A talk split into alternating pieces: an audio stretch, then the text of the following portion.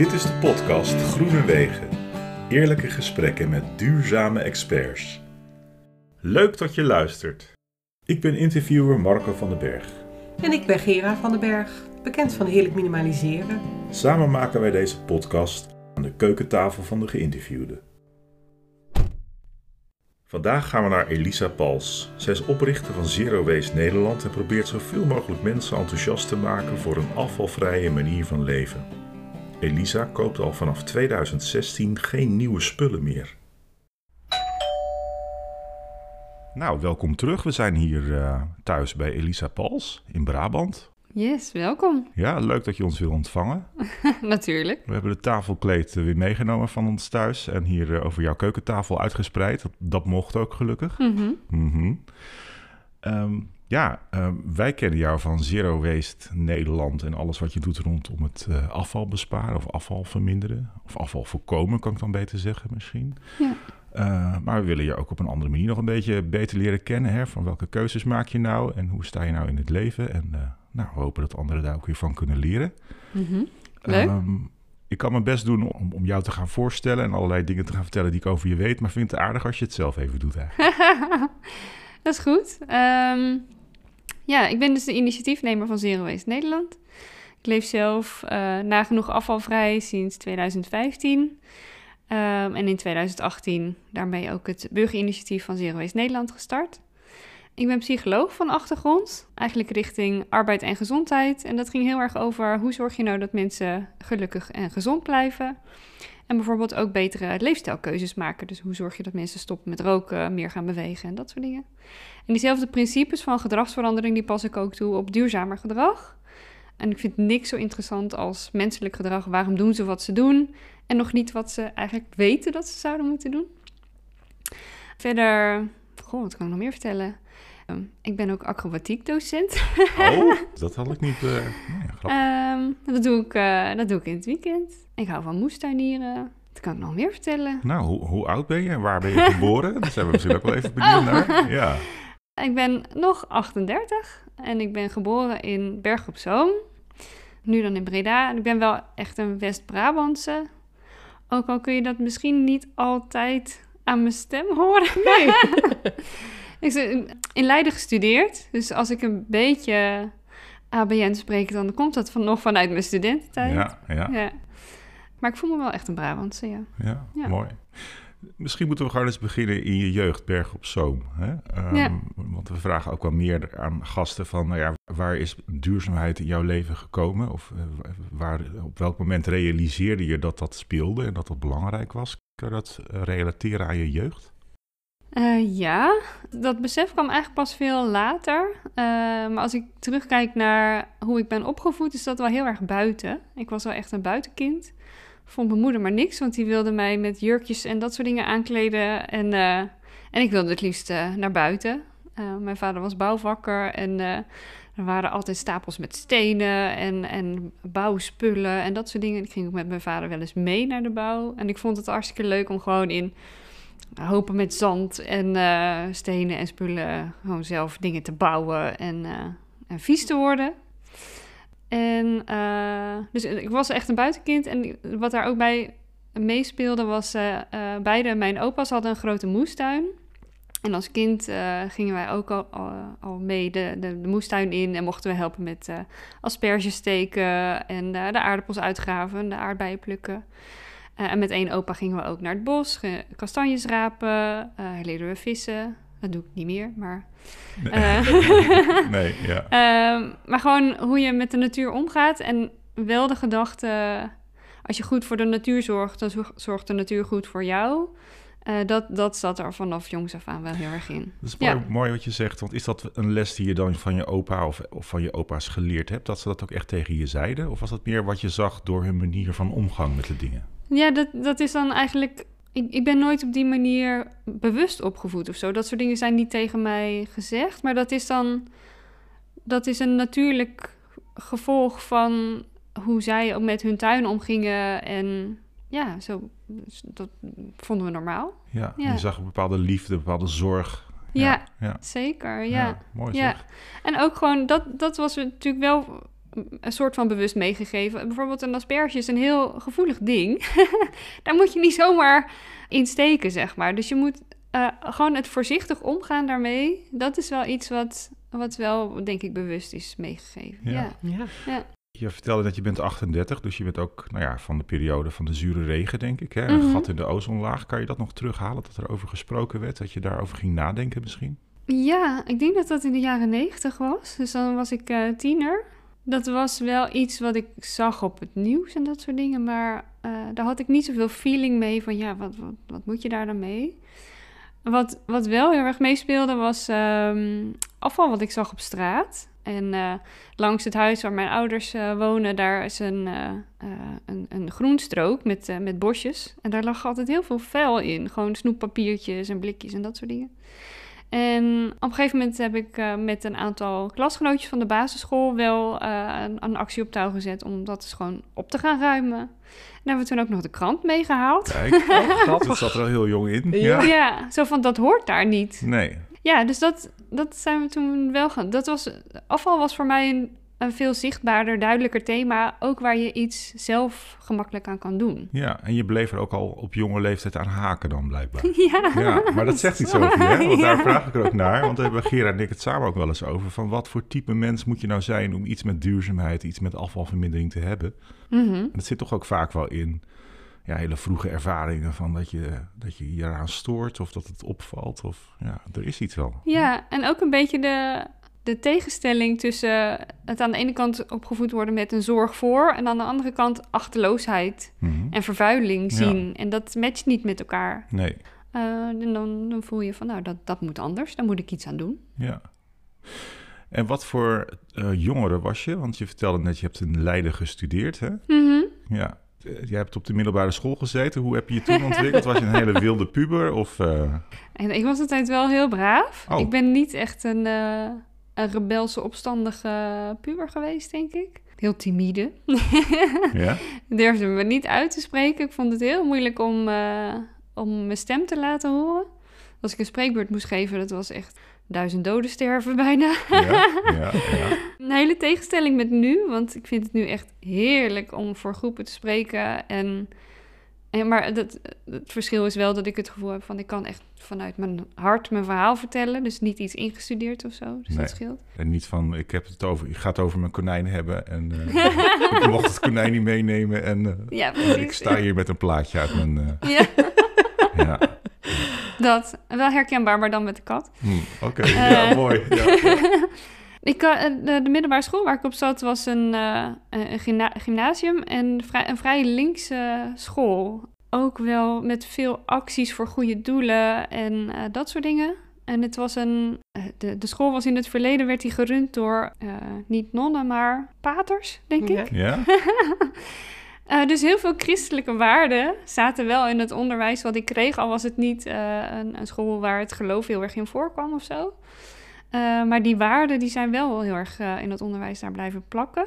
En ik denk dat dat ergens onbewust toch ook wel meegegeven is. Ja, ja. ja. Dus voordat ik voordat ik uh, mocht stemmen, wist ik al welke richting ik wilde stemmen. Ja, precies. Ja. Wat, wat is het iets waar je ook over nadenkt? Van waar, waar, komt het nou bij mij vandaan dat ik zo met duurzaamheid bezig ben en me hier zo voor geef? Heb je aan soul searching gedaan van wie ben ik en kan je dat voor jezelf verklaren als het ware? Ik denk dat dat veel voortkomt uit, um, uh, uit empathie. Mm -hmm. Ik ben ik denk dat daarin ook een stukje opvoeding vanuit een van mijn opa's kant eh, de vader van mijn moeder en daarmee ook wel van mijn moeder afkomt. Iets heel zorgzaams en ook je kunnen verplaatsen in een ander. Dus voor mij de zorg voor de natuur die ik heb, die is deels voor de natuur, maar eigenlijk ook wel voor een heel groot deel voor de mens. Ik kan me heel erg verplaatsen in de kwetsbaarheid van anderen. Ik kan dat heel erg voelen. En ik voel ook dat hoe we nu met de aarde omgaan, dat, dat, dat de aarde zich wel redt zonder ons. Uh, maar ik voel ook hoe, hoe afhankelijk wij met z'n allen zijn. En dan hebben wij het hier in Nederland nog goed. Ik bedoel, tot nu toe kunnen we nog steeds gewoon naar de supermarkt en is er alles wat we nodig hebben. Maar op andere plekken in de wereld niet. En ik voel, uh, ik kan dat heel erg voelen. Mhm. ja. Dus ik denk dat dat wel een sterke drive is voor mij om te doen wat ik doe. Ja. eh, omdat ik voel dat dat, dat, dat nodig is. Ja, mooi. Voor En, eh, mensen dus. Ja, nee, eh, helder. En, en verklaart dat ook waarom je dan bijvoorbeeld niet voor milieukunde of iets eh, gerelateerds hebt gekozen? Dat je toch voor mensen bent gegaan. Hè? Psychologie Ja. is je toch verplaatsen in anderen. En... Wauw, dat is een goede vraag. Wel Even een realisatie. Ja, eh, nou, ja, er is dus een, denk ik wel een reden waarom ik psychologie ben gaan studeren. Ja. Eh, Toen ik eh, nou ja, op de middelbare school zat en moest kiezen van welke richting ga ik op, eh, dacht ik, ik wil mensen beter maken. Eh, en eh, nou ja, om arts te worden moest je een bepaald profiel kiezen. Waar Ja. ik niet voor een aanmerking kwam, want natuurkunde, scheikunde, biologie, hè? Ja. dat was helemaal niks voor mij. Dus dat viel dan ook al af. Ja. Dat viel af, ja. Maar psychologie was, was voor mij een hele logische uiteindelijk om te kiezen. Ik heb een, kleine omzwerving gemaakt, maar uiteindelijk dus wel voor psychologie gekozen. En dat was voor mij wel een schot in de roos. En dat, is ook, dat was ook mensen beter maken, eh, maar dan op een ander vlak. ja. Ja, En je hebt ook uiteindelijk als psycholoog gewerkt in een praktijk? Of hoe, hoe is dat verder gegaan? nee, ook daarin heb ik een paar omzwervingen gemaakt. Maar uiteindelijk ben ik wel precies gaan doen waar ik voor gestudeerd had. Eh, en dat was arbeid en gezondheid. Het langst en het leukst heb ik gewerkt op een HR-afdeling waar mijn taak was de zorg voor de medewerkers. Eh, dus bijvoorbeeld het ziekteverzuim, maar ook eh, preventie van ziekteverzuim. Dat is trouwens wel een goede link met wat ik nu doe. Alle aandacht die ik kon geven aan preventie, dus zorgen dat mensen een gezonde leefstijl hadden, eh, prettige werksfeer, dat de werkplekken goed ingericht zijn. Al die aandacht die ik daaraan kon besteden, bespaarde op het ziekteverzuim. Omdat mensen niet ziek worden, omdat je niet die problemen creëert in the first place. ja. En dat is eigenlijk precies wat ik nu ook wil doen Ja? met, eh, met het onderwerp afval en verspilling. Alles wat je niet maakt, niet creëert aan problemen, hoef je vervolgens ook niet op te ruimen, te recyclen enzovoort. ja. Dus vandaar dat ik afvalpreventie zo ontzettend logisch vind. Mhm.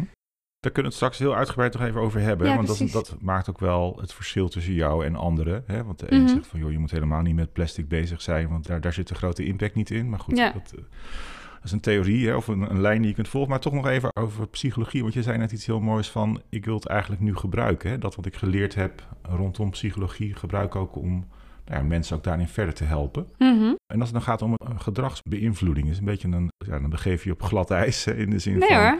nou ja, je kan het ook verkeerd gebruiken als het gaat om manipuleren of... Ja, eh, maar dat gebeurt altijd en Mhm. overal. Ja, Ik, ik ben aangesloten ook bij klimaatpsychologie, het netwerk van psychologen die zich op een of andere manier ook met klimaat bezighouden. Eh zijn grofweg twee stromingen. De ene zijn de gedragsbeïnvloeders, waar ik ook eh, onderdeel van ben. En de ander zijn de therapeuten die mensen helpen die eh, klachten hebben door mentale klachten, door het klimaat en de angsten bijvoorbeeld die ze daaromheen hebben. En klimaatpsychologie en gedragsbeïnvloeding, dat is gewoon echt, dat is wetenschap. Ehm, en met elkaar bespreken we ook van ja, wat is, wat is ethisch? Wat, wat, ja, hoe, hoe moeten we hier op een goede manier mee omgaan? En de conclusie waar we ook eh, toe komen, en ik zelf ook, is beïnvloeding is altijd en overal. Als je, eh, nou ja, stap maar naar buiten en eh, kijk maar eens naar de abris wat in het bushokje hangt bijvoorbeeld. Dat Ja. is ook beïnvloeding. Ja. Dus beïnvloeding kun je niet stoppen, maar Nee. je kunt het wel op een goede manier inzetten. En nu wordt het heel vaak gebruikt op een manier die niet goed is voor ons, eh, niet goed voor de planeet. nee. Ehm, Nee, want het- da- daar wilde ik inderdaad ook een beetje naartoe van... ehm, het bushokje is wel een mooi voorbeeld. Hè? Er zijn ook gemeenten die er nu over denken... of zelfs al eh, Ja. afkondigen van... je mag niet meer reclame maken voor vlees of voor fastfoodketens of iets dergelijks. Dat gaat natuurlijk heel ver. Aan de andere kant zou je, ja, kun je ook zeggen... dat is mooi, want dan maak je duidelijk wat wel en wat niet. Hè? mhm. Ehm, maar als het gaat om eh, er, er iets tegenover zetten, tegenover alle eh, reclame en tegenover alle invloeden waar we mee te maken hebben, moet je dan ook niet gewoon inderdaad heel stevig uit de hoek komen? Hè? En moet je Ja. daar dan inderdaad ook niet een heel stevig verhaal tegenover zetten? En is dat ook waarom misschien psychologie daar ja, ja. zo goed in kan bijdragen? Hè? Zeker. Eh, ik denk dat, eh, dat we met psychologie een heel eind komen. Eh, maar ik zie ook wel hoe langer hoe meer ook een rol voor een stevige overheid daarin. En een morele, morele overheid. Ja. En niet te liberaal. Want een aantal dingen zijn zo slecht. Mhm. Wat we nu al weten. Die moet je gewoon eigenlijk niet meer willen. Die moet je gewoon eigenlijk niet meer toestaan. Kun je daar een voorbeeld van geven? Nou ja, eigenlijk wat je net zelf noemt, dus reclame voor bepaalde dingen die, die zo slecht zijn. Uh, reclame voor vliegen, reclame voor vlees eten, reclame voor overconsumptie. Uh, daar is in Frankrijk al uh, wet en regelgeving over. En je ziet dat een aantal gemeenten in Nederland nu dat ook wel gaan durven. En ik ben heel blij dat daar de eerste gemeenten nu zijn, mee zijn gestart. En ook uh, positieve feedback daarop krijgen. Want een aantal dingen ja, moeten gewoon nou ja, met elkaar afspreken dat we die niet meer doen. Ja, maar goed, dat, dat ligt wel gevoelig. Want er zijn mensen die zeggen, jij, jij, jij noemt het dan liberalisme. Of, hè, of, maar er zijn mensen die zeggen, nou, daar, ga, daar ga ik zelf over. Hè, dat, dat, dat, is betuttelend om dat voor mij te bedenken dat het dan niet mag of zo. Ja, nou het gaat dus niet over het verbod of iemand wel of niet mag vliegen. Mm -hmm. Het gaat erom, mag je mensen verleiden om dat te doen. Hm. In, die, in diezelfde abri kan ook hangen van wij ontmoedigen om te vliegen bijvoorbeeld. Dus het kan ook de tegenovergestelde boodschap zijn. Het is dan nog steeds geen verbod, het is nog Mhm. steeds geen beprijzing. Het gaat alleen maar over het verleiden om mensen iets te laten doen. En die Ja. verleiding, eh, die moet er echt af. Maar als Wat- mensen zeggen, ik wil erover geïnformeerd worden, want ik vind die reclame heel prettig, want dan weet ik dat het er is. En dan weet ik, oh ja, dat is een aanbieding en ik kan morgen eventueel naar Ibiza. Of, eh, Ja, dan, is het, dan is het niet alleen verleiding, maar ook gewoon informeren, toch? Zoals, het, zoals je het nu ziet in het straatbeeld, is het echt verleiding. Hm. Ja, het, het, is, het is geen onpartijdige informatie wat je daar ziet. Bovendien zie je de informatie die aan de andere kant er ook is, die zie je niet. Eh, want maak maar eens reclame voor het niet vliegen. Wie gaat die reclames betalen? ja, ja. Ehm, dus het is een on- oneerlijke strijd. En dat, dat merk ik zelf ook. Ehm, eh, eh, ik, nou ja, het is een beetje een gek woord om te gebruiken, maar ik, ik ben ook lobbyist eigenlijk. Eh, ik lobby in de politiek voor moeder aarde, voor keuzes die beter zijn voor de aarde. En ik neem het dan eigenlijk op tegen bedrijven waar heel veel geld in omgaat, die betaalde lobbyisten hebben, die betaalde juristen hebben. Ehm, en ik moet in mijn vrije tijd het opnemen voor bepaalde politieke standpunten die beter zijn voor de aarde, Mhm. Maar waar geen financieel belang aan hangt. Eh, en dat is echt heel moeilijk. Dat is, dat is eigenlijk een, een oneerlijke strijd. Eh, en dan noem ik mezelf als voorbeeld, maar er zijn heel veel mensen die dat doen. Ehm, eh, het is geen onpartijdige informatie die je gemakkelijk kunt, eh, kunt vinden. Die, is er wel, er Ja. zijn sites voor. Maar een gemiddelde onbewuste consument, die, ja, die ziet die reclames en die denkt... oh, dit zal wel oké zijn. Ja, maar nou ja, en dat, maar dat is misschien het punt waar we naartoe moeten. Het feit dat jij daar dus inzicht in hebt, vanuit die psychologie, eh, zie jij misschien iets wat gewoon het gros van de bevolking niet meekrijgt. hè? ja. Ja, dus, Het punt is, nou, dat zullen jullie misschien ook wel merken... als je eenmaal dingen begint te zien, dan kun je Ja. ze niet meer niet zien. ja, ja, dat is Heel een bepaalde bewustwording. Hè? Ja. Zo, ja. Ja, en toch, want bewustwording is nu net al een paar keer genoemd. Ehm, ik ben psycholoog, maar ik doe het liefst zo min mogelijk met bewustwording. ja, vertel. ik ja. heb ook een allergie ontwikkeld voor het woord bewustwording. Daar wil ik het eigenlijk liever niet meer over hebben. Oké, Want? Ehm, dat maakt het voor ons heel interessant natuurlijk om het er juist wel over te hebben. Dat snap ik.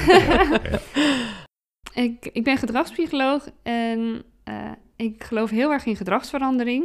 Maar daar heb je niet per se bewustwording voor nodig. Eigenlijk heb ik het liefst dat mensen onbewust het juiste kunnen doen. Omdat het voor de hand liggend is, omdat iedereen dat doet, omdat het de norm is, omdat het het goedkoopst is, omdat het het gemakkelijkst is. Dat je er eigenlijk niet over na hoeft te denken dat, dat het de bedoeling is. Dat iedereen dat zo... Zo doen we dat hier. Hm. Want eh, mensen hebben heel weinig cognitieve ruimte, heel weinig actieve denkruimte in hun hoofd. En zeker als mensen een druk leven hebben. Eh, je wordt zoveel afgeleid door bijvoorbeeld social media. Er wordt elke minuut van de dag iets van je verwacht. Zeker ook als je een baan en kinderen en dat soort dingen hebt. Nog meer als mensen bijvoorbeeld financiële problemen hebben, dan is eigenlijk al je denkkracht al opgesoupeerd door alle dagelijkse dingen. En dan kun je niet meer van mensen verwachten dat ze bewust andere keuzes gaan maken. Ja, Mhm. dus dan moet je het meer faciliteren, meer comfort bieden, meer eh, vanuit de overheid eigenlijk aanbieden. Precies, Ja, ja. ja.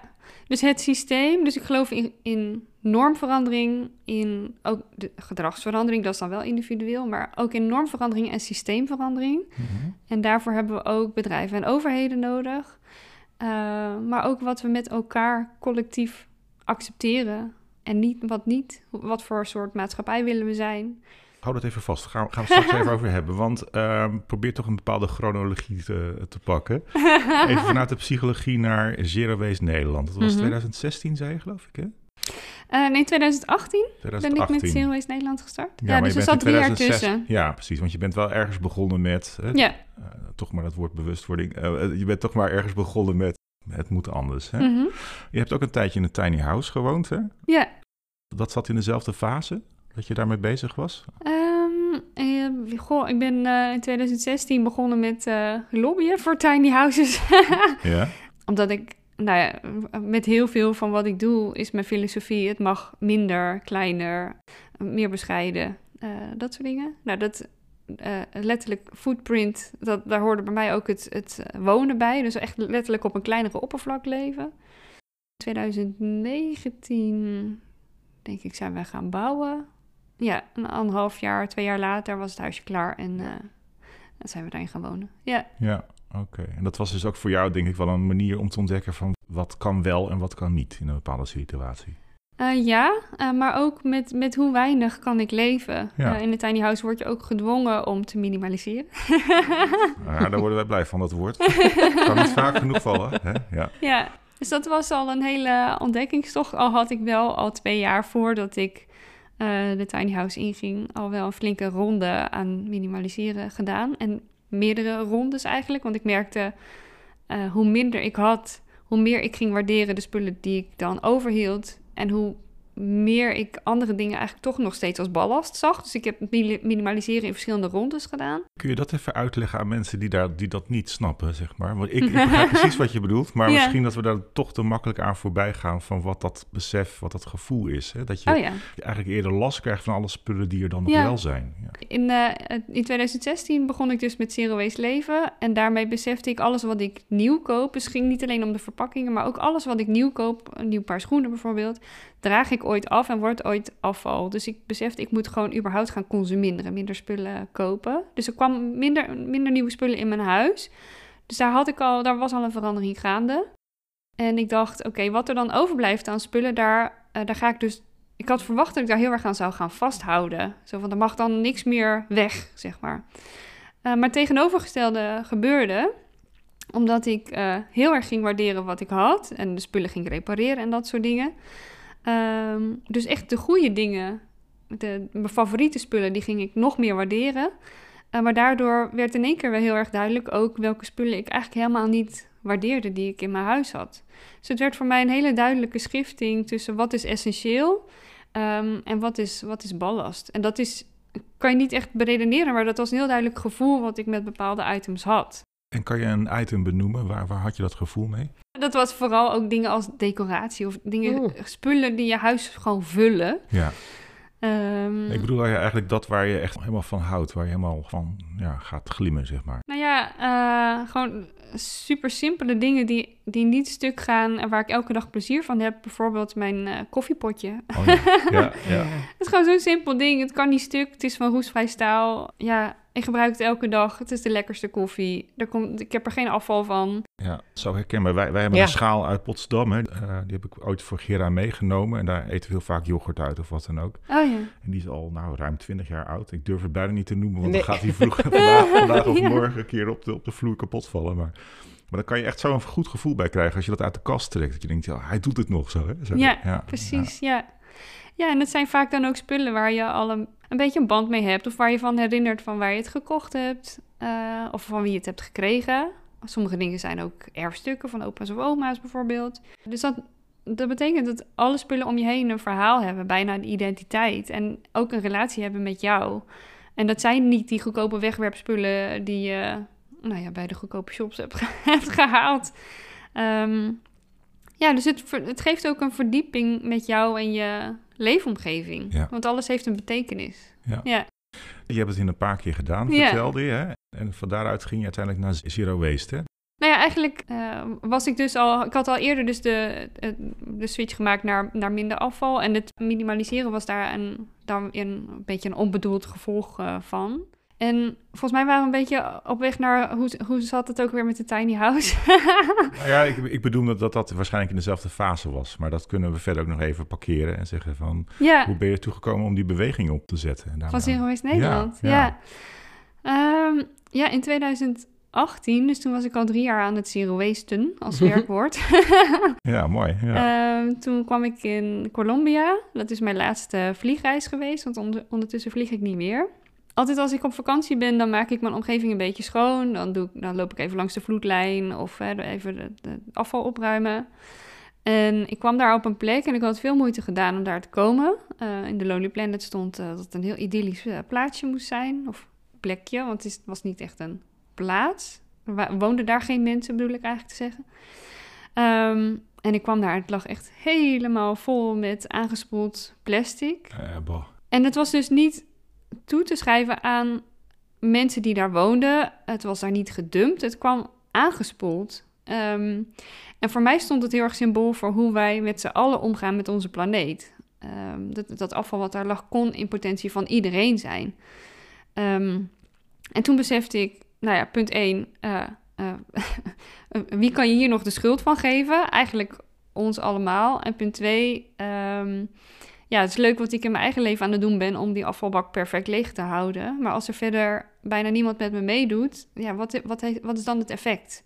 Mooi trouwens dat jij nu beschrijft dat je aan het denken ging. Hè? Je ging erover nadenken. Maar welk, welk, welk, gevoel kwam er bij je op? Daar ben ik wel even benieuwd bij. Werd je boos of juist verdrietig? Of? Um, meer verdrietig en machteloosheid. En ook het gevoel van... Uh, ik doe al zo mijn best. Heeft het überhaupt zin, hè, zo? Ja, maar ook, waarom doet er niemand met me mee? Oké, ja. Waar blijft iedereen, zeg maar? Het is zo logisch. Ik had in die drie jaar daarvoor zoveel positieve ervaringen er al mee gehad. Dus dat ik... Uh, dat het gewoon een fijn gevoel geeft als je je niet omringt met allerlei wegwerptroep. Uh, dat je fijne spullen om je heen hebt. Um, ik je veel minder gedoe hebt met allemaal gesleept met afval ik merkte dingen aan mijn gezondheid. Dus ik had veel minder uh, verpakte en voor, uh, voorbewerkte en gesneden producten en dat soort dingen. Um, dus ik ging veel gezonder eten. Nou, dat merkte ik aan mijn lijf. Ik gebruikte geen dingen meer die mogelijk op dieren waren getest. Dus bijvoorbeeld cosmetica, schoonmaakproducten, dat soort dingen. Dus dat gaf ook een fijn gevoel. Dus ik dacht, het is allemaal zo logisch. Oh ja, en ik bespaarde ook nog heel veel geld ermee. ja. Dus het, ik snapte niet van, als het zo logisch is, waarom, waarom doen zo weinig mensen het? Ja. En toen dacht ik ook van, ja, wat, wat kan ik? Wat, wat zijn mijn skills die ik kan gebruiken om mensen met me mee te krijgen? En toen dacht ik, ja, dat is psychologie en gedragsverandering. Dus laat ik daar dan op inzetten. Ja, ja. mooi. Dat was het begin van Zero Waste Nederland. Ja, daar. Ja. Ja. Daar, ja. ja precies. Dat was de klik. Maar mooi hoe je dat dan ook dicht bij jezelf houdt. Uh, ja. Inderdaad, weer vanuit die psychologie. En, um, dat, uh, dat is misschien trouwens ook wel een goede. Misschien een tip ook voor mensen die luisteren. Toen ik op dat strand stond met uh, al dat uh, plastic en vooral heel veel microplastics, ik heb daar foto's van gemaakt, maar ook een filmpje. En eigenlijk een filmpje van mij. Het is in selfie-stand, waarbij je ook ziet van wat het met me doet. En dat filmpje gebruik ik in bijna al mijn presentaties. Ik, ik vind het heel belangrijk om het ook dicht bij mezelf te houden en om te laten zien wat mij raakte. Uh, en wat voor mij die spark was om nu te doen wat ik doe. Um, en ik denk dat mensen daar dan aan kunnen relateren. Um, wat ik doe met Zero Waste Nederland, uh, dat, dat, klinkt heel groot. Uh, dat klinkt als heel, hoe zeg je dat, bijna officieel als ik heel erg officiële berichten zou sturen, zonder mij als persoon erbij, dan, dan creëert dat afstand. En wat denk ik heel goed werkt met wat ik doe, is dat ik, dat ik altijd vertel vanuit mij als persoon uh, hoe ik het ervaar, uh, welke dingen ik doe. Ik leef alles ook voor waar ik over vertel. Um, en dan kunnen mensen, mensen zich daartoe verhouden. Dan kunnen ze bijvoorbeeld mijn emotie ook voelen of zien. Ja. Uh, waardoor het ook weer dichter bij die ander komt. Ja. Waardoor de ander misschien ook meer geraakt wordt om een verschil te maken. Maar eens, ik herken dat. Ik, ik, uh, ik kom zelf uit de media. Uh, ik heb op verschillende redacties gewerkt. En dan beoordeel je ook dat wat er binnenkomt. En dan kijk je inderdaad ook naar van, nou, is het inderdaad een organisatie die iets te melden heeft? Of is het een persoon met een mooi verhaal? En organisaties denken vaak zelf van, nou ja, we zijn heel belangrijk en we, we gaan iets zenden en dat wordt wel opgepakt. Terwijl Ja. kranten of redacties vaak kijken naar wat is nou het verhaal hierachter. Ja, Dat doe je heel goed, zullen we maar zeggen. Ja, voor, voor mij is het heel logisch. Ja, ik, ik, en ik denk dat dat, dat goed werkt. Dus mijn tip is altijd, hou het bij jezelf en Ja. laat het zelf ook zien. ja. En is dat dan misschien ook wel wat, eh, we hadden het net over in de bushokjes, die reclame, Mhm. eh, wat dus ook eh, benut kan worden, ook de andere kant uit. Ja, zeker. Ja, om het, om het dichter bij de mensen zelf te brengen en eh, eh, bepaalde dingen ook uit de anonimiteit eh, te halen. Het kan heel verleidelijk zijn om jezelf te verliezen in het collectief. Van wat voor verschil kan ik nou maken? Ben, ja, een beetje Calimero-effect. Mhm. Maar als je mensen kunt laten voelen van mijn keuzes zijn ook belangrijk, als je het dicht bij hen kan brengen, dan gaat er wel meer verschil komen, denk ik. Mhm. Ja. Ja. Ja. Eh, Toch even de stap naar je ouders of omgeving. Hè. Hoe reageerden die daarop? Hadden die wel verwacht dat jij daar zeg maar zo in doorgroeide en tot dat punt kwam van ik, ik ga daar zelf iets aan doen, ik ga daar zelf mee bezig? of hadden ze iets van nou, eh tut, tut, tut, je hebt een goede baan en eh, welke kant gaat dit op? Ehm, een beetje een mix daartussen, denk ik. Ik denk dat mijn ouders eh, wel eh, een soort van voelden van nou dat, ehm, eh, dat er een bepaalde. Ja, hoe zeg je dat? Er zit soms een bepaalde naïviteit en optimisme en idealisme in wat ik doe. Dat, dat, dat zit er denk ik al wel jong in. Mijn ouders hebben een bepaalde zorg ook wel van... Inderdaad, eh, zorg maar dat je een goede baan hebt... en dat je je schaapjes op het droge hebt en eh, dat soort dingen. Dus soms vinden ze het misschien wel heel spannend wat ik doe. Ik denk dat ze, het, dat ze het ergens ook wel begrijpen... dat dat voor mij nodig is om, om dit te doen. Ja. Ja. Ehm, wat nog wel eh, soms lastig is... is dat, eh, dat ze het wel zien... en denk ik deels ook wel snappen wat ik doe... Maar eh, dat het ook nog best een ver van hun bedshow is om al die dingen ook zelf toe te passen. En, en dat het met hele kleine stapjes en heel langzaam gaat. En, en dus zelfs als ze het van zo dichtbij zien, dan, eh, dan nog eh, kan er dus best een, een drempel zijn. Ja.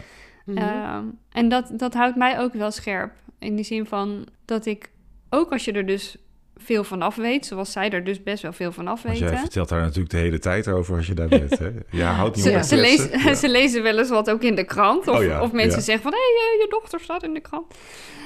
Ik besef me dus dat ik het voor hen de- dus ook makkelijker moet maken. Dus eh, Ze zijn een mooi referentiepunt. Zo van, ja. ja. Ja. ook om te Hoe zien... zullen anderen daarmee omgaan? Hoe zullen anderen daarop reageren? Precies, Ja. ja. Ja. Ook als je wel dus de kennis hebt en ook als je misschien wel de motivatie voelt van, nou ja, dit is wel belangrijk. Ja, misschien wel een mo- mooi voorbeeld ehm, van recent. Mijn moeder zei, eh, stond in de supermarkt en ze had, eh, mijn moeder had dus gelezen over, of daar hadden we het over gehad, eh, en iemand anders had dat dan gelezen, eh, dat ik de challenge was gestart van koop een jaar niks nieuws. Waar dus nu heel veel mensen ook aan meedoen. En ze had een gesprek in de supermarkt en die andere persoon die zei, ja, maar eh, dat is toch heel slecht voor de economie. En dat mijn moeder dan zoiets had, eh, oké Elisa, wat moet ik dan zeggen? Ja, Ja, ja. Dat is op zich een hele mooie opmerking, toch?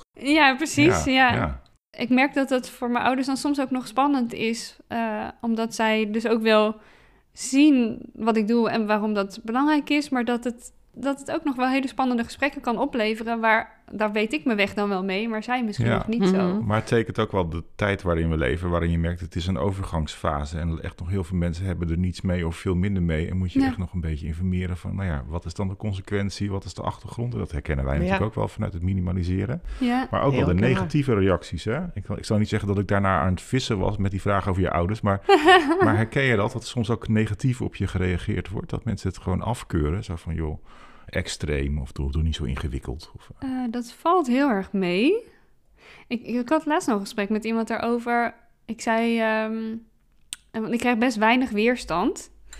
Dat heeft misschien ook een beetje met mijn toon te maken. Ik ben niet zo radicaal. Ik vind het belangrijk om mensen mee te nemen. Ik vind het belangrijk ook om positieve aspecten te benoemen van, de, van het gedrag, zeg maar, wat ik, wat ik eigenlijk wil dat mensen gaan doen. Dus ik maak het altijd leuk, gezellig, lekker, geldbesparend. Eh, nou ja, al dat soort dingen. En daar kan eigenlijk niemand op tegen zijn. nee, ja, Dus dat verleiden, dat... eh, Ja, dat, het is eigenlijk marketingpsychologie, maar dan dus de duurzame kant op. Ja. Ehm, Maar je zit, je zit ons toch niet een partijtje voor te liegen? Dit, dit klopt toch ook, ook allemaal? En Ja. dat is ook Ja, zo. toch? Ja, Ja, ja. ja. Eh, maar, maar ik had dus het gesprek daarover van, dus ik, ik krijg heel weinig weerstand en dat doe ik ook bewust. En, maar de vraag was eigenlijk, moet het niet een beetje schuren? Moet het niet af en toe een beetje pijn doen, Ja. bijvoorbeeld? Oh ja. werkt, werkt dat niet beter? Ehm, dat is niet helemaal mijn stijl. Eh, ik hou daar ook niet zo van. Ik hou niet van conflict. Nou, je zei aan het begin al dat je ook een beetje timide was. Hè? Eh, ja, bedoel, hier moet je dan ook in, in groeien, lijkt me. hè? Dat je stevig je verhaal vertelt of stevig een soort punt probeert te maken. Ja, er zitten twee dingen in. Het ene is dat ik, dat ik me steeds steviger voel, ook in het verhaal wat ik vertel. En het andere is ehm, eh, ook wel de vraag van, moet ik wel stevig zijn? Hebben we niet nu ook veel meer een tijd nodig waarin zachte waarden, zoals zorgzaamheid, empathie, ehm, eh, eh, nou ja, eh, liefde voor de dingen, eh, niet financieel belang, dat soort dingen, waarin die waarden niet gewoon veel belangrijker zijn. Eens hoor, maar, maar zeg maar als je jezelf Zero Waste Ne- Nederland noemt, dat roept meteen al een reactie op. Hè? het is niet een, een soort logo met een lieve heersbeestje en eh, snap je een beetje? Ja, Ja. ja. ja. Eh, en dat verhaal denk ik dat ik wel, ik met, met nog heel veel anderen, ik doe het niet alleen, ehm, dat dat verhaal wel stevig staat. Ja, en dat ook veel meer mensen ook wel eh, gaan snappen dat die wegwerpcultuur en maatschappij waar we nu in leven, dat die niet houdbaar is. En dat wordt ook steeds zichtbaarder. Het systeem begint echt wel vast te lopen. Eh, dus het verhaal eh, wordt sterker, maar het, het wordt überhaupt ook, ook steeds beter zichtbaar. Door Ja. bijvoorbeeld goede, goede journalistiek, eh, goed onderzoek wat, eh, wat steeds meer gedaan wordt. Ook media die er meer aandacht aan gaan geven. Dus het wordt ook voor iedereen steeds zichtbaarder. Ja, nou dat kan ik eh, beamen, want media maken de stap nu van alleen het problemen benoemen naar kijken naar oplossingen. Op Mhm. zoek naar van wat gebeurt er al om daar wat aan te doen. Hè? Ja, Oké, dus jij zegt aan de ene kant ehm, het feit dat jij van nature misschien eerder timide bent, geeft ook aan dat je een bepaalde stijl hebt van hoe ga je met dit onderwerp om, hoe presenteer je jezelf, hoe breng je het Mhm. over aan anderen. Aan de andere kant zeg je ook, het moet wel een stevige boodschap zijn, want je moet er ook iets tegenover zetten, tegenover al die reclame en al die invloeden. het klinkt als een paradox, maar jij kan dat verenigen blijkbaar. ja ehm, ik denk dat dat heel goed met elkaar samen kan gaan. Ik denk dat dat ook eh, nodig is. Ik denk dat we op een hele andere manier moeten gaan eh, kijken naar onze maatschappij, naar onze economie. Ehm, en dat, dat het heel erg uitmaakt ook hoe we daar met elkaar over praten en welke dingen we belangrijk vinden. Ehm, dus het is eh, eigenlijk zoals we het nu leven, is best een harde maatschappij waarin bijna alleen nog euro's tellen. Ehm, en het is ook nodig om die andere waarden eh, voorop te gaan stellen. En ik denk dat ons verhaal daar heel goed bij past. Ondanks dat dat, nou ja, daar, daar zitten stevige dingen in. en soms kan ik ook best wel pittige stukjes schrijven over, eh, nou ja, over onze maatschappij. Dus een beetje kritisch, op, op opinievormend. Eh, maar aan de andere kant blijf ik ook bezig met het, eh, het stukje verleiden, eh, de positieve dingen benoemen, positieve psychologie. Ehm, eh, handelingsperspectief, eh, het kleine dichtbij houden. Dat, dat zit wel allemaal in de beweging die wij, eh, die wij hebben. Ja, als we daar nog even iets op inzoomen, hè? wat doen jullie allemaal? Heel concreet, zeg maar. Ja, dat is een hele lijst. maar Ja, ik zal een paar dingen benoemen. Eigenlijk het, eh, waar we mee begonnen zijn, vrij ver in het begin, dat was eh, de raamsticker met neem gerust je eigen verpakking mee. Ik merkte dat ik zelf, ook weer dus psychologie en gevoel, ik merkte dat ik, dat ik me een beetje gênant voelde als ik naar de bakker ging en wilde vragen van, goh, mag het in mijn eigen broodzak? Omdat ik niet een ander tot last wilde zijn. Ik wilde ook niet afwijken. Ik merkte ook al heel snel hoe belangrijk sociaal gedrag is. Want je gaat echt wel iets anders doen dan wat andere mensen doen. En dus wat voor, hoe sterk die rem eigenlijk is. Eh, nou ja, dus dat soort psychologische dingen merkte ik bij mezelf. Maar als ik het dan wel vroeg, dan had ik een heel leuk gesprek met die bakker. En die zei, ja, voor al dat plastic, ja, we willen dat eigenlijk ook niet. Het is trouwens ook niet goed voor de kwaliteit van het brood. Eh, want we maken hier goed brood, het moet een beetje knapperig zijn. Nou, in een plastic zak is het binnen no time niet meer knapperig. Ik had een heel leuk gesprek. En die ondernemer die wilde dus ook dat plastic niet. Maar die wilde ook niet belerend zijn. Die wilde niet eh, die klanten op iets wijzen bijvoorbeeld. Dus het gesprek kwam niet op gang. En door die raamsticker ehm, merkte ik dus, nou, da- daarmee kun je de drempel lager maken. Het is een nudge, dus het is geen voorschrift, het is ook geen keurmerk. Het is een vriendelijke uitnodiging om, Het kan, het mag hier. ja, om de drempel te verlagen. Om het, ook een beetje het gesprek op gang te brengen. eh, en om een andere sociale norm eigenlijk met elkaar langzaam vorm te gaan geven. Dus nou, die sticker is één ding. Die plakt op al heel veel plekken in Nederland. Eh, heb je een enig idee op hoeveel plekken? Ja, volgens mij 8000 op dit moment. 8000. Ja. Doe maar. Dat is ook heel leuk. Als, je, als ik in andere steden in Nederland ben, dan... dan eh, ik ga altijd gewoon stickers spotten. De stickers spotten, ja. ja. Dus dan, dan ben, dan, ja, dan Nou, ben ik gewoon je- weer blij. Als... Ik kan het zeggen, als je nou Ja. in een dip zit, dan pak je de fiets en dan ga je gewoon even lekker langs die winkels en kijken. Overal zit mijn stickers op. Ja, precies. Ja, Krijg je dan ook van die eh, foto's toegestuurd van mensen? Kijk, ja daar zeker. zit het nu ook in. Ja. Nee, ja, dat is heel fijn dat hij gewoon zo zichtbaar is en herkenbaar. En eh, ja, dat, dat hij op al zoveel plekken plakt. Ja. Want even, even heel kort, hoe ben je op dat idee gekomen van een sticker? Ehm, ja, eigenlijk omdat ik merkte dat er, dat er een communicatiemiddel miste. Dus ik dacht, ja, ik zat gewoon een beetje te bedenken van wat zou mij kunnen helpen. Nou ja, als, als dat ergens zou staan, als ik dat ergens zou zien, zou lezen, dan denk ik dat mij dat zou helpen. Ja, Dus je hebt het gewoon zelf bedacht, als het ware. Je hebt niet, je hebt niet gegoogeld en gedacht van, nou ja, hoe, hoe, eh, hoe Nee. doen ze dat in Amerika of in Nieuw-Zeeland? Of, eh, Nee, ik heb wel eens krijtbordjes ergens gezien, maar dat is natuurlijk heel, heel tijdelijk. En later bleek wel eh, dat het bijvoorbeeld in België al wel eh lopende België, was. ja. Ja. Oh, ja. Dus, eh, maar ik heb het niet gejat. Nee, nee. Nee, je hebt het meer of meer zelf verzonnen, ja. Ja. Mooi. Ja. Hey, Eh, en- dus, eh? Maar stickers is één ding wat we doen. Eh, we doen nog heel veel andere dingen, ook bijvoorbeeld tours. Dus we hebben heel veel lokale gidsen, waar Gera er één van is. Ja, dat, dat, precies. ja. Ehm, en Wat trouwens ook heel leuk werkt, hè?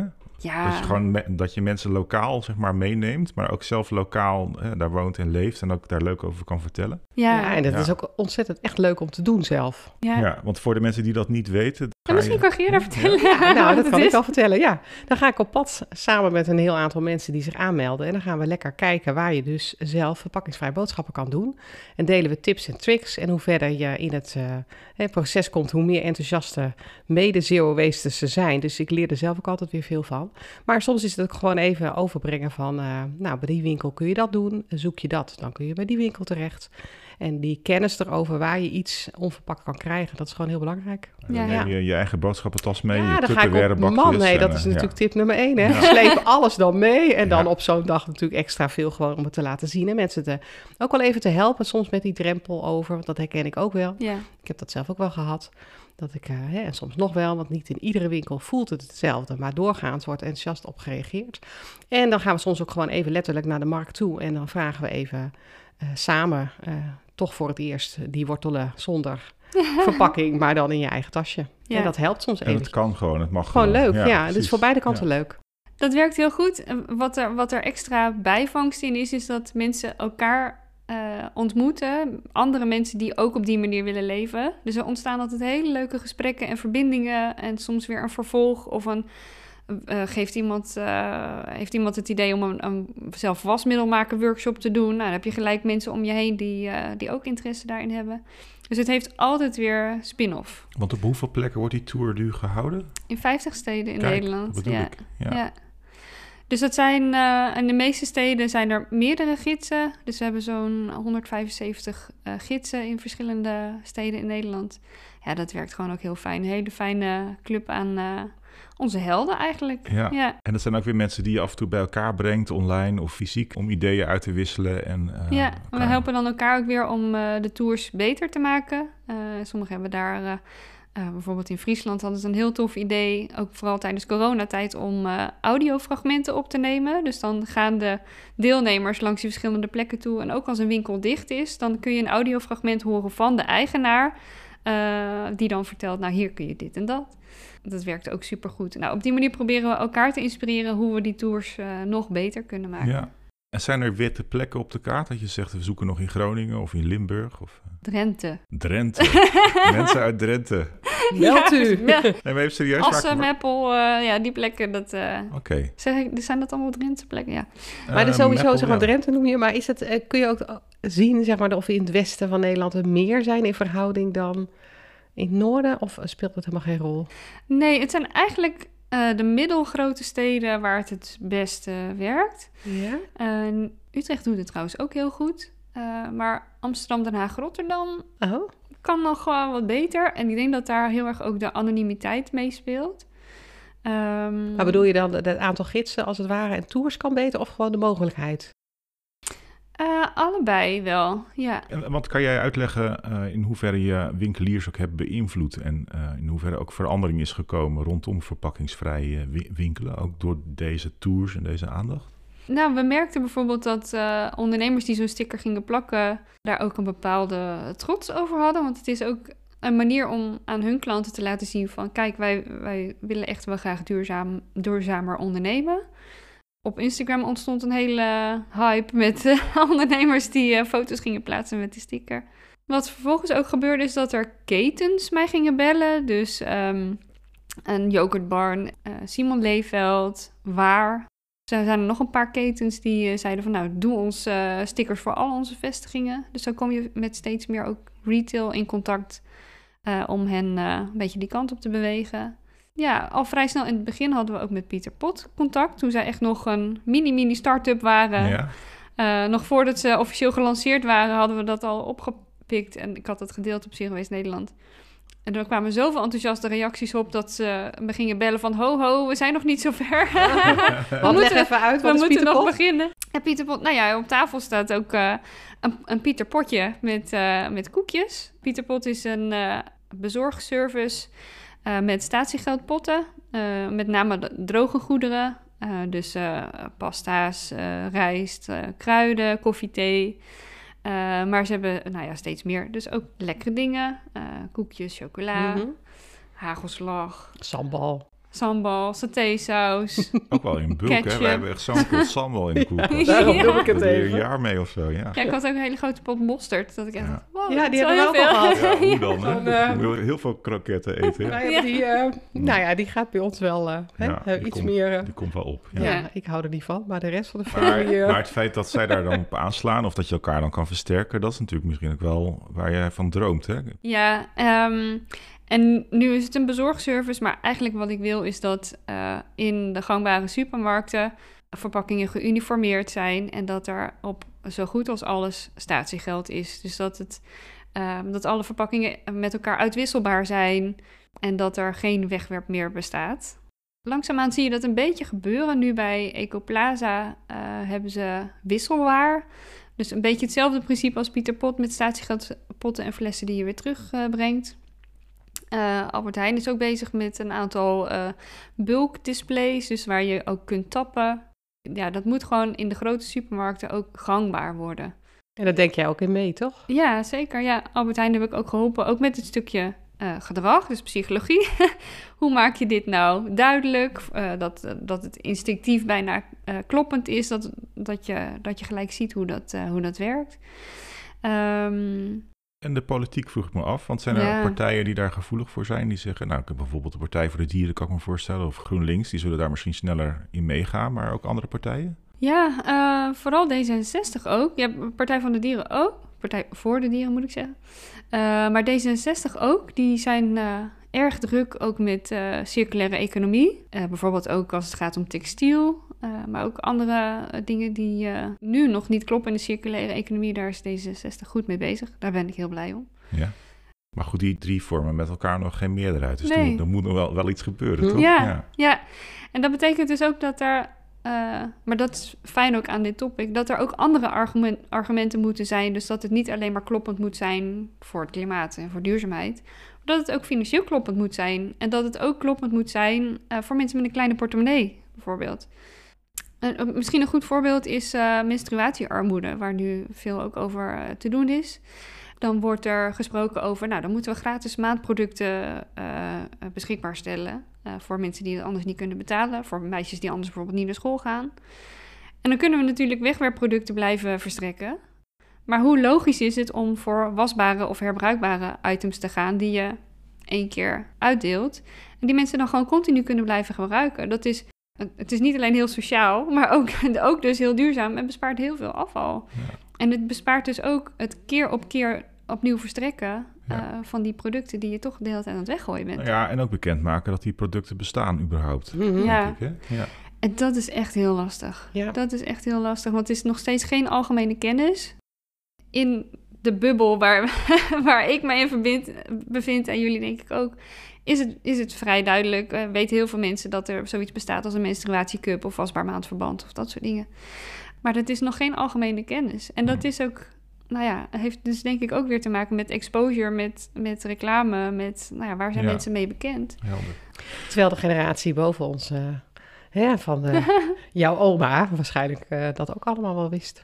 Ja, de maar cup zij dan weer zien- net niet, maar eh, het wasbare principe. Maar met die generatie heb ik ook al wel gesproken. En zij, van hen krijg ik het commentaar... Oh meisje, dit is echt eh, terug naar de middeleeuwen. Mhm. Voor hen is wegwerp een verworvenheid. Ja, Ja, Ja. Wat, een, wat een goed, goed punt. Ja. ja.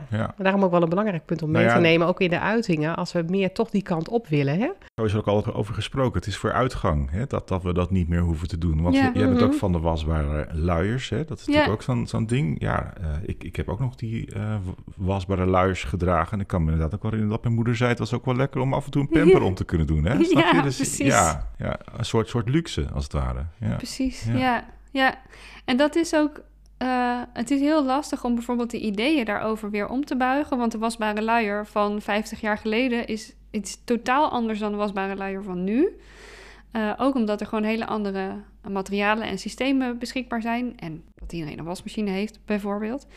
Ehm, dus dat, dat, dat is iets, iets totaal anders. Maar mensen hebben nog wel in hun hoofd dat dat zo'n driekanten doek met een veiligheidsbelt is. Ja. Ehm, en hoe buig je dat- dat om? Ja, precies. ja, nou ja, goed, Ja. in ieder geval door daar hierover te vertellen... dat er gewoon hele hippe, luxe, leuke producten zijn... die je gewoon heel graag moet willen hebben. Maar als we het over de politiek hebben, Ja? dan is daar ook een rol te spelen. En gelukkig heb ik, is het afgelopen jaar gelukt om eh, Kamervragen te laten stellen daarover. Waarom is er nog niet een landelijke stimuleringsregeling om jonge ouders te helpen met de aanschaf van eh luiers?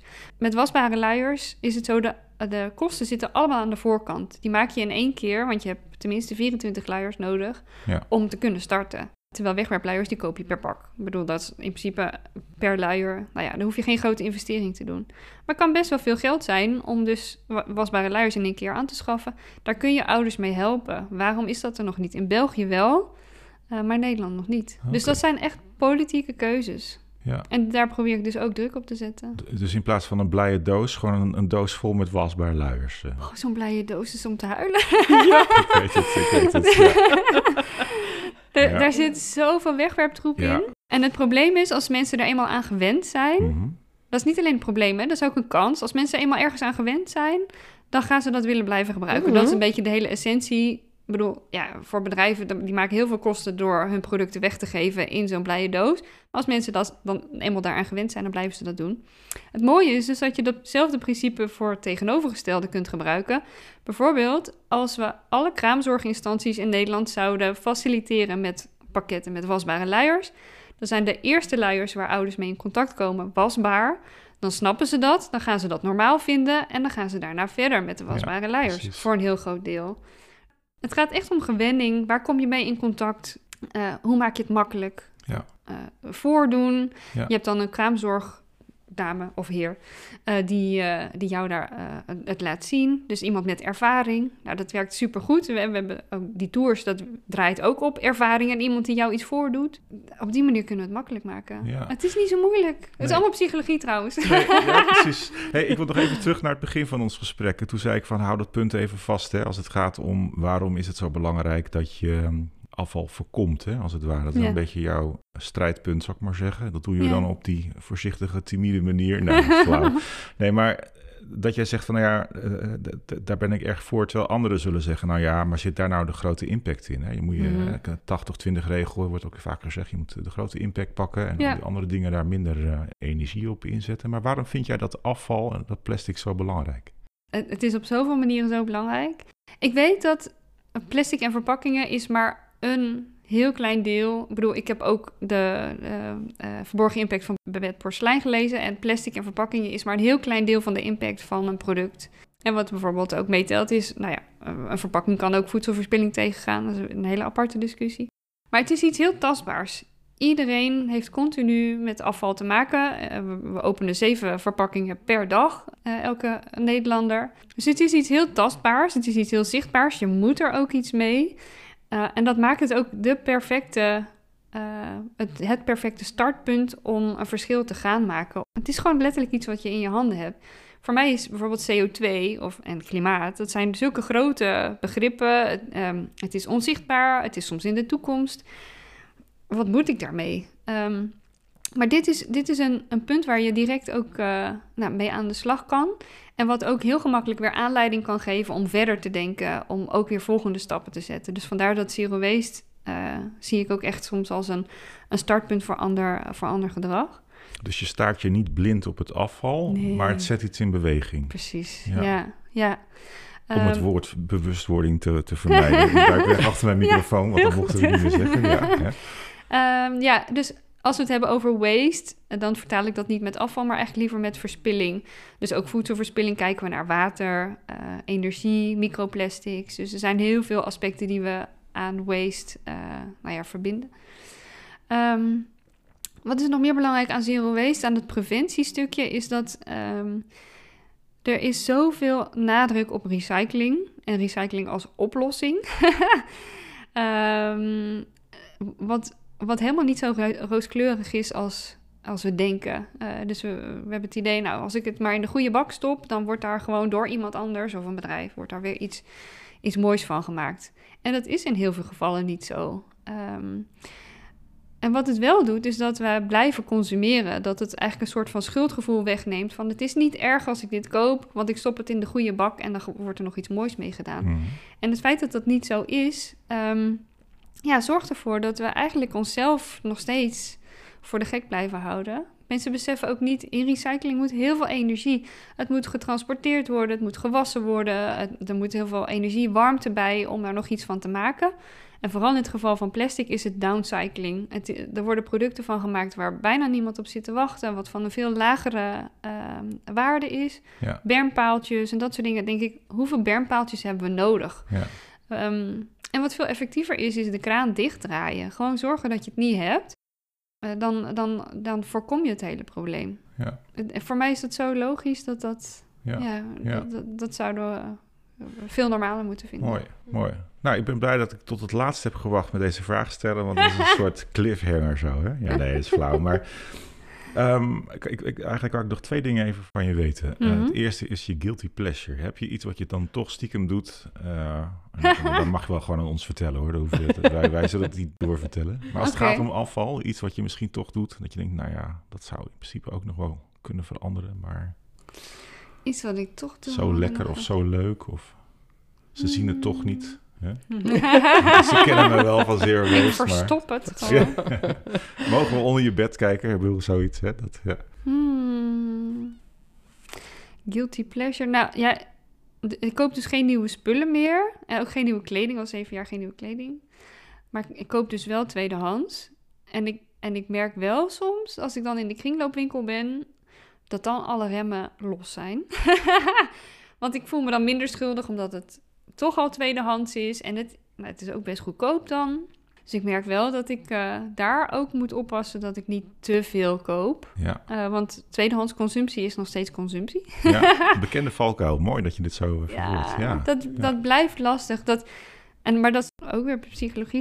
We blijven gewoon verzamelaars. Dat zit zo in ons onderbewuste brein. Daar kan je bijna niet tegen ingaan. We blijven gewoon een soort van hebberig. ja.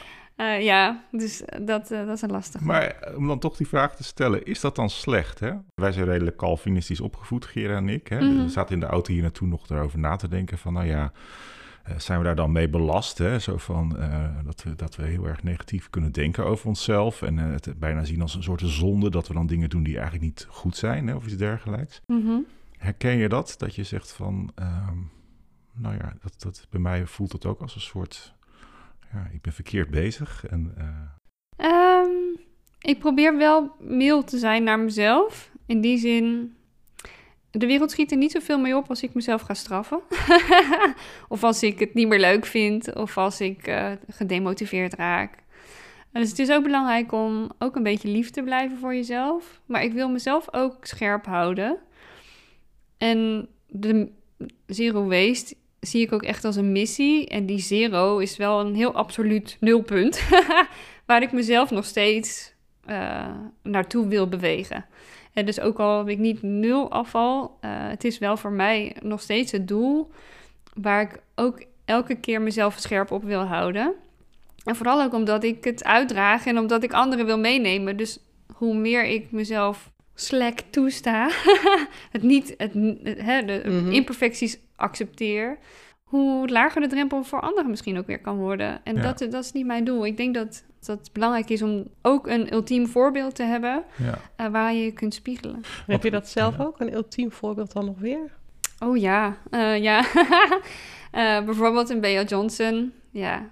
Ja, en een Lauren Singer. Ja. dus die, dat zijn mensen waarvan ik denk, ja, die... gewoon dat kleine potje met afval in een jaar tijd. Die oefening heb ik nog niet met mezelf gedaan. Maar dat, ja, dat zijn wel mhm. doelen om naar te blijven streven. Maar tegelijkertijd is het ook belangrijk om het om ook het leuke ervan te blijven zien. Nou ja, precies wat je noemt dan Bia Johnson. Ik ging toen mee als een soort chaperon naar uh, Amsterdam, naar een lezing. Ik was helemaal om. Wat een geweldig figuur. ja. ja. En ook heel veel humor ook, hè? Ja. Terwijl je verwacht, ja, klinkt dat toch naar iets zuurigs of iets vervelends. Maar dat is het niet. Het is een heel mooi verhaal. Ik vind het ook belangrijk bij de lezingen die ik geef... dat er, dat er ook gelachen mag worden. Dat het ook luchtig mag zijn. Ja. ja. Uh, ja, dus ook een beetje de filosofie van je, je vangt meer vliegen met honing dan met azijn. Ja, ja precies. Ja. of dan met stroop dan met azijn. Um, ik wil dat mensen aanhaken bij de beweging. Um, ik heb ook wel eens gezegd, ja, uh, ik wil dat feestje zijn in de verte waarvan je denkt, hey, dat klinkt gezellig, daar wil ik bij horen. Oh, ik ben er nog niet, maar ik wil daar wel naartoe. Ja, mooi zeg. Ja. Um, en op die manier kun je mensen uh, nou ja, bij je beweging laten aansluiten. Ja. Hey, we hebben het al over heel veel dingen gehad. Ik realiseer me, we gaan echt een beetje over de tijd heen. maar goed, het is zo interessant, dus daar, dat mag dan maar een keer. De allerlaatste vraag toch. Wat ga jij dit jaar anders doen? Heb jij een soort plan? Heb je een soort idee? Uh, gaan we nog iets van je zien wat we niet van je verwacht hadden? Wat ik de laatste jaren steeds meer heb gerealiseerd is uh, hoe belangrijk ook de rol van de overheid is. Uh, om echt een systeemverandering teweeg te brengen. Dus ik denk dat we dat, dat we genoeg mensen om ons heen hebben, uh, dat de beweging groot genoeg is om te laten zien van er is maatschappelijk draagvlak voor wat we doen. En die stem, de kracht van die stem, die kan ik nu gebruiken om bedrijven en overheden verder te helpen. Um, heel veel van afvalbeleid ligt bij gemeenten. Uh, zij hebben tot nu toe heel veel op ingezet op afvalscheiding en uh, zwerfafval. Maar ze vinden het heel moeilijk om afvalpreventie bij hun inwoners, uh, nou ja, achter de voordeur te krijgen. En daar zie ik echt een missie voor ons om, uh, om gemeenten te helpen met uh, minder afval te maken. Bijvoorbeeld door de tours per gemeente structureel aan te bieden, maar ook om gemeenten te helpen met andere preventiebeleidsstappen die zij kunnen zetten.